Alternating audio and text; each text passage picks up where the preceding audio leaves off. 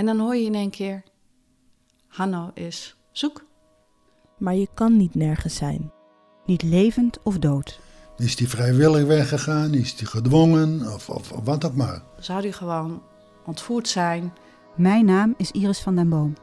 En samen met Ditya Kabba ga ik op zoek naar wat er is gebeurd met Hanno. Een doodgewone vader die van de een op de andere dag spoorloos verdween. Hè? Hanno? Hoe dan? Waarom dan? Open Eind, een podcast van het AD. Vanaf 27 mei te beluisteren via je favoriete podcast-app en ad.nl/podcast.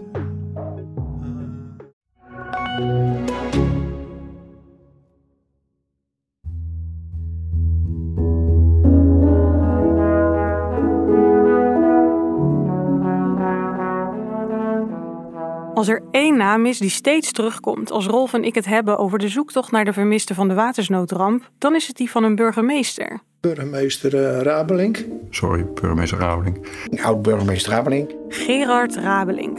Tussen 2009 en 2020 was hij burgemeester van Schouwen-Duiveland. Hij speelde een cruciale rol in het DNA-onderzoek naar de onbekende doden van de watersnoodramp.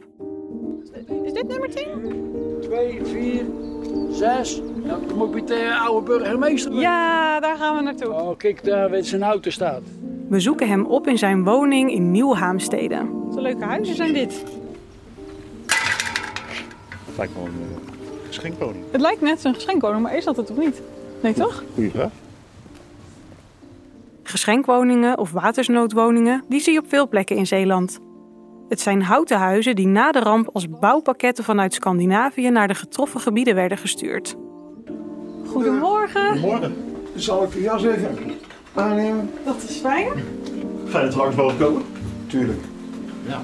Ja, het leukste vind ik dat ik zo'n huis heb, zo'n uh, watersnoodhuis. Ja, dat vroegen we ons af. Is, is, staat Is dit een het geschenkwoning? origineel, het is nog een monument. Ja? Dus uh, Toepasselijk. ja, ja, ja, ja. Heel toepasselijk. Want de meest intense periode uit zijn burgemeesterschap, die heeft dus te maken met de ramp. Je luistert naar De Vermiste van 53, een podcast van PZT, AD en de regionale dagbladen. Ik ben Noortje de Kroo. Samen met Rolf Bosboom duik ik in het verhaal van de haast onmogelijke zoektocht naar de 105 vermisten van de watersnoodramp. Dit is aflevering 4, het DNA-onderzoek. We gaan terug naar 2012. Net als alle andere burgemeesters heeft Gerard Rabelink een brief met een bijzonder verzoek ontvangen. De brief komt van het Landelijk Bureau Vermiste Personen van de politie en het Nederlands Forensisch Instituut. Ze willen alle graven met onbekende doden openen om te kijken of ze de mensen die daarin liggen begraven toch nog een naam kunnen geven.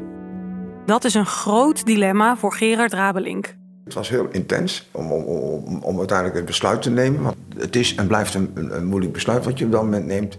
Want op Schouwen-Duiveland liggen 32 onbekende doden van de watersnoodramp begraven. En Rabelink weet dat de mensen die nog vermiste familieleden hebben, echt willen weten wie daar liggen. Het blijven zoeken naar een eh, naaste, naar, naar je vader of naar je kind of naar je zus, je broer. Dan denk je, wat is het vreselijk wat die mensen hebben meegemaakt. Maar veel mensen op het eiland zijn streng gelovig. Want als je heel gelovig bent, dan kan dat tot een probleem leiden in jouw persoonlijke visie op het leven. Als iemand overleden is, is het de eeuwige rust. En dan ga je geen graf meer openen. En daar heb ik alleen maar respect voor. Maar ik wil de andere mensen die op dat moment zeggen we willen het wel, die moeten dan ook de kans krijgen. En dat heb ik heel sterk gevoeld. Diep in mijn hart zei ik, daar moet ik op een of andere manier aan gaan meewerken.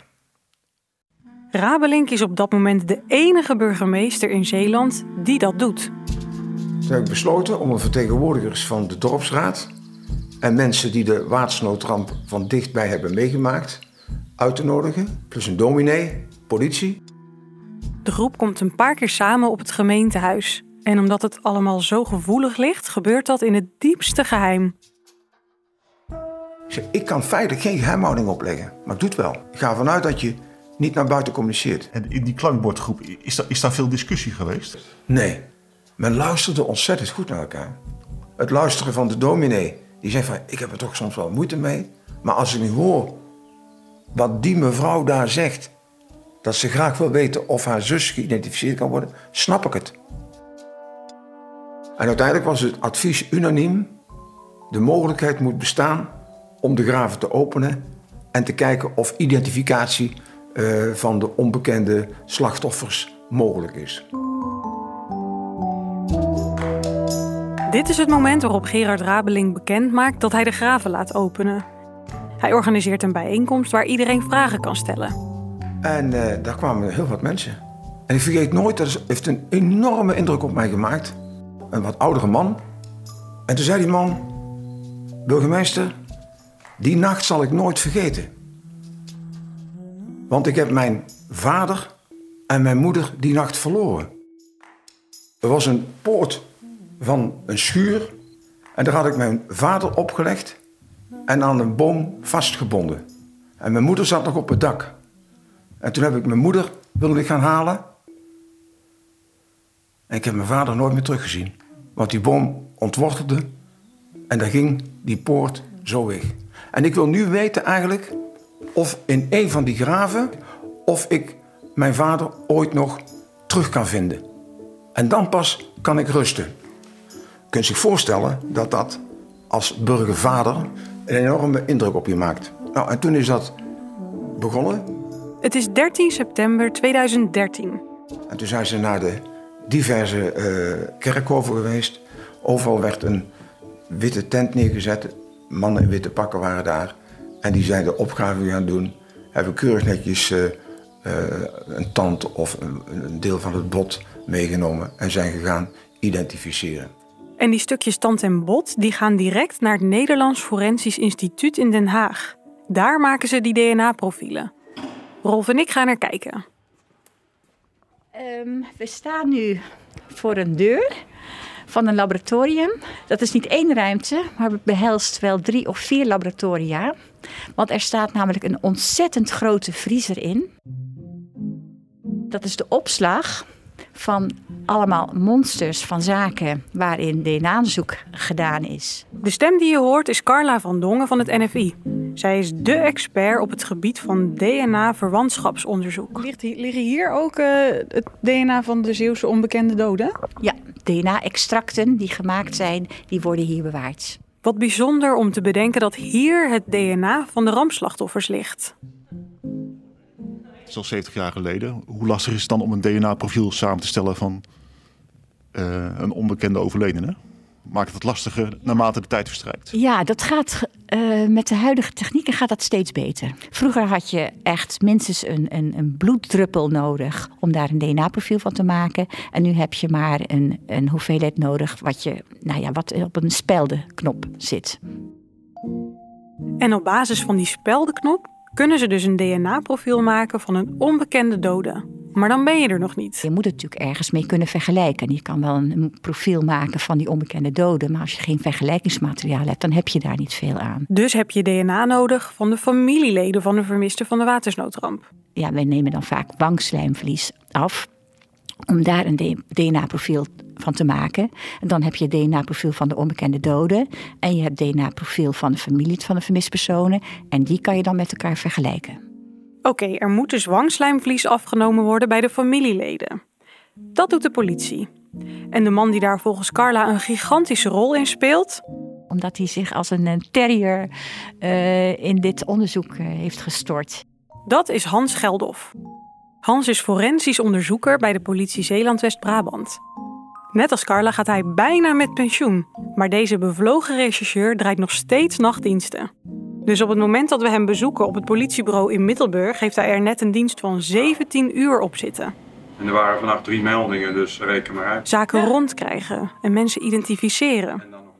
Al vroeg in zijn carrière beseft Hans dat hij daar het verschil kan maken. Die, die vreselijke ervaring bij de mensen iets terug te nemen door hun uh, directe familieleden terug te vinden. En dat is eigenlijk het, uh, het speerpunt geweest. Dat heeft me ook, uh, ook veel vrije tijd gekost.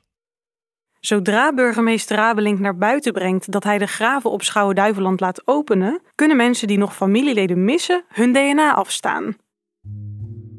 En dan geldt natuurlijk: hoe meer mensen meewerken, hoe beter. Maar actief mensen benaderen voor het onderzoek, dat mag Hans niet. Het is onderling afgesproken dat we zelf niet actief gingen ronselen. Het moest vanuit de bevolking zelf, moesten de meldingen komen. Dat heeft dus allemaal te maken met de gevoeligheid van het onderzoek. Want niemand mag zich gedwongen voelen om mee te doen. Hans vindt het heel begrijpelijk, maar ook wel een gemiste kans. Ik had ook andersom kunnen werken. Ik had de, de, de mensen allemaal kunnen benaderen. Had ik in elk biljardenhuis op Schouwen, waar ik wist dat er een familie mensen kwijt waren. Want dat lijstje van het Rode Kruis had ik. Alleen dat mocht ik niet. Ja, dat maakt het allemaal nog een stuk lastiger om tot resultaten te komen. Maar dankzij alle media-aandacht en een paar informatieavonden melden zich al snel tientallen mensen die mee willen werken. Als Hans bij die mensen op bezoek gaat, merkt hij hoeveel impact het onderzoek heeft. Hij vertelt over een ouder echtpaar in Sirjansland. De vrouw wil DNA afstaan. Toen had ze gezegd van, uh, kom maar ongeveer met de koffietijd, want dan kunnen we het er eerst op voorhand nog even samen over hebben. Op zich geen vreemde opmerking, totdat ik binnenkwam. En ze zaten me op te wachten en uh, bij een kop koffie zegt de, de, vrouw tegen mij... Ik heb het er nog eens met mijn man over gehad, maar ik ga het niet doen. Ze zegt, ik denk toch niet dat het werkt. Ik heb er eigenlijk geen goed gevoel bij. Hans gaat het gesprek rustig met haar aan. Hij legt uit wat het onderzoek inhoudt en dat de keuze echt aan haar is. En daarna zei ze, ik doe het. En toen kwam het hele verhaal wat er werkelijk is gebeurd in 53. En dan heb je dus uh, eigenlijk een beetje de spil te pakken wat het bij de mensen teweeg brengt. Want zij zou gezegd hebben, ik wil niks vertellen, dus ik ga ook geen DNA afgeven. Dat vond ik heel bijzonder. En zij had het dus ook nooit verteld aan haar man? Nee, maar hij zegt, dit heb je mij nog nooit verteld. En ze waren ruim in de tachtig. Dus als je dat terugrekent, hoe lang heeft zij al met dat verhaal rondgelopen? Daar heb je het weer. Dat jarenlange zwijgen, het dragen van die emotionele last. En als dan de juiste aanleiding er is, dan komt het er toch uit. Dat maakt indruk. Ook op een collega van Hans. Mijn naam is Freek Hulkes. Ik ben uh, als voormalig wijkagent Schouwen-Duiveland betrokken geweest bij het onderzoek naar uh, de onbekend uh, begraven vermisten van de waterstootramp 1953. Het is, als ik terugkijk op mijn carrière, denk ik een van de meest ingrijpende dingen geweest die ik gedaan heb, denk ik. Ik vind het ook een van de mooiste dingen die ik gedaan heb. Ja, ik, ik, ik voelde me vereerd dat ik dat mocht doen. Onderschat het niet, het was een groot project hoor. Dat heeft dat ook bij de politie de nodige capaciteit gekost. En wat was, was, was precies de concrete opdracht of het concrete verzoek? Wat, wat, wat moest u gaan doen? Vooral de mensen geruststellen. Uh, in, in de zin van, uh, u gaat een, uh, nu een DNA-onderzoek afname krijgen. En dat begon vaak van, nou, u komt hier voor een vermiste familielid. Wat is er gebeurd? Al dat soort vragen. En dan, ja, dat is toch iets wat je op gevoel moet doen. Hè? Dat, moet, dat moet goed voelen. En daar heb je gewoon alle tijd voor nodig. En dat hebben we ook genomen. En, en dan, ja, uiteindelijk komen dan de verhalen los. Ja, voordat je weet zit je anderhalf, twee uur aan te praten. En sommigen die vertelde een verhaal voor de eerste keer. Heel veel mensen hebben uiteindelijk ook niet meegedaan aan dat onderzoek. Uh, heeft u dat verbaasd? Ja, aan de, ene kant, aan de ene kant wel, aan de andere kant niet. Ik, uh, ik heb daar, heb ik over nagedacht. Ik denk, waarom, waarom zou je daar niet aan mee? Waarom zou je niet willen weten waar uh, een van jouw de dierbaren begraven ligt?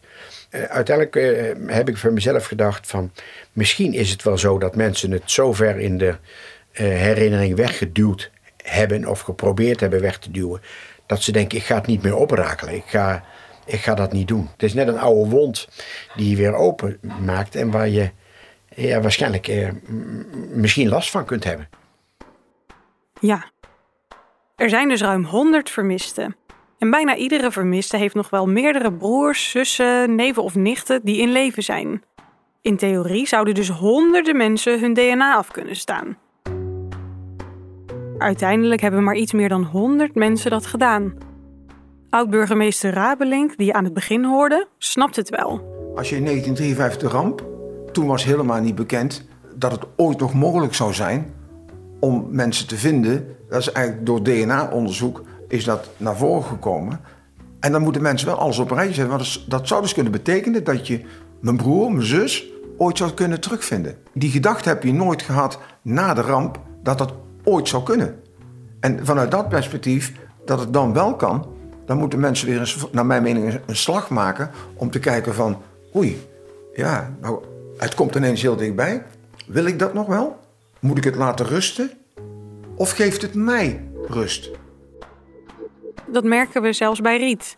Zij verloor haar vader bij de ramp. Hij ligt in Ouwekerk begraven. Maar ze heeft geen vermisten in haar familie.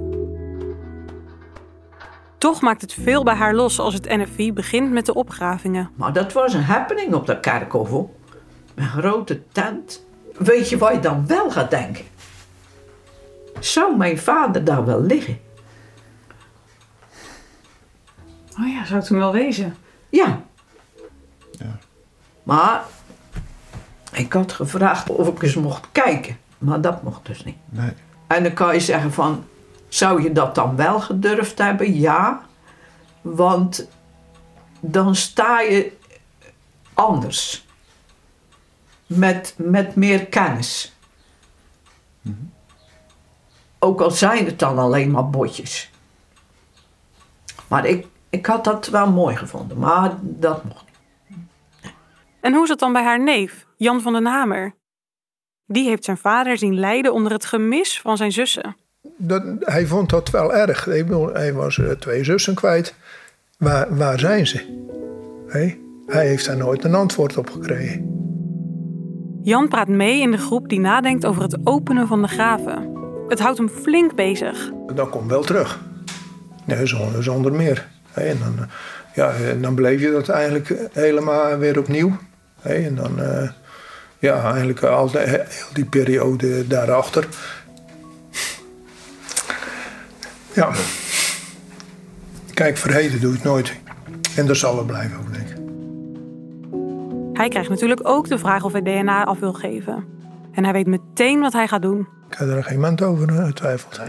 Mijn vader en moeder hebben er ook niks aan. Maar die zou het ook dolgraag geweten hebben. Hey, wie, wie of wat. Dat weet ik pertinent zeker. Hey. Dus ja, dan heb ik het maar gedaan. Ik heb DNA afgestaan. En toen op een gegeven moment, toen, uh, ja, dat, dan, komt dat toch wel even binnen. Ik werd opgebeld. We hebben een, eh, een, match, maar we willen eigenlijk een, uh, een vrouwelijk familielid. In een van de graven op Schouwen-Duiveland ligt dus sowieso familie van Jan. Maar wie is het? En waarom hebben ze aan alleen zijn DNA niet genoeg? In de laatste aflevering vertellen we je hoe dit verder gaat. En je hoort over de andere matches. dat is een van de matches geweest. En je ziet ook dat er iets is weggebeiteld op haar steen. Daar heeft ongetwijfeld het woord vermist gestaan. Het is wel heel bijzonder om dit te zien. Want hier zie je dus gewoon in beeld wat het hele DNA-onderzoek heeft opgeleverd. Maar hoe vaak kan vermist nog worden weggebeiteld? Nu de ramp alweer 70 jaar geleden is. De tijd dringt.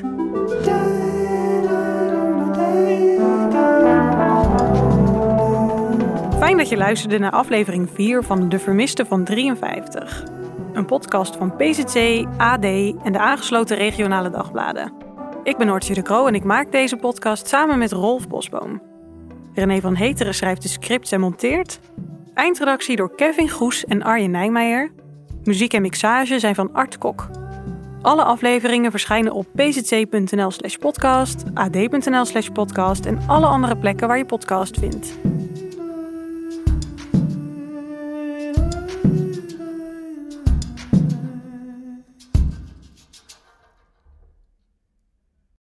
Als klein kind al weet je het heel zeker. Jij wil later boer worden. En dat lukt nog ook. Je leeft je eigen droom. Totdat een hele serie branden die droom vernietigt. Honderden runderen sterven, van jouw gedroomde bedrijf blijft helemaal niks over. En tot overmaat van ramp denken steeds meer mensen dat jij de branden hebt gesticht. Zelfs de politie gaat uit van jou als enige mogelijke brandstichter. Was je zelf echt betrokken bij het vuur? Of draait alles om iemand die dichtbij je staat? Dicht op het vuur is vanaf 24 maart te beluisteren via ad.nl en je favoriete podcast-app.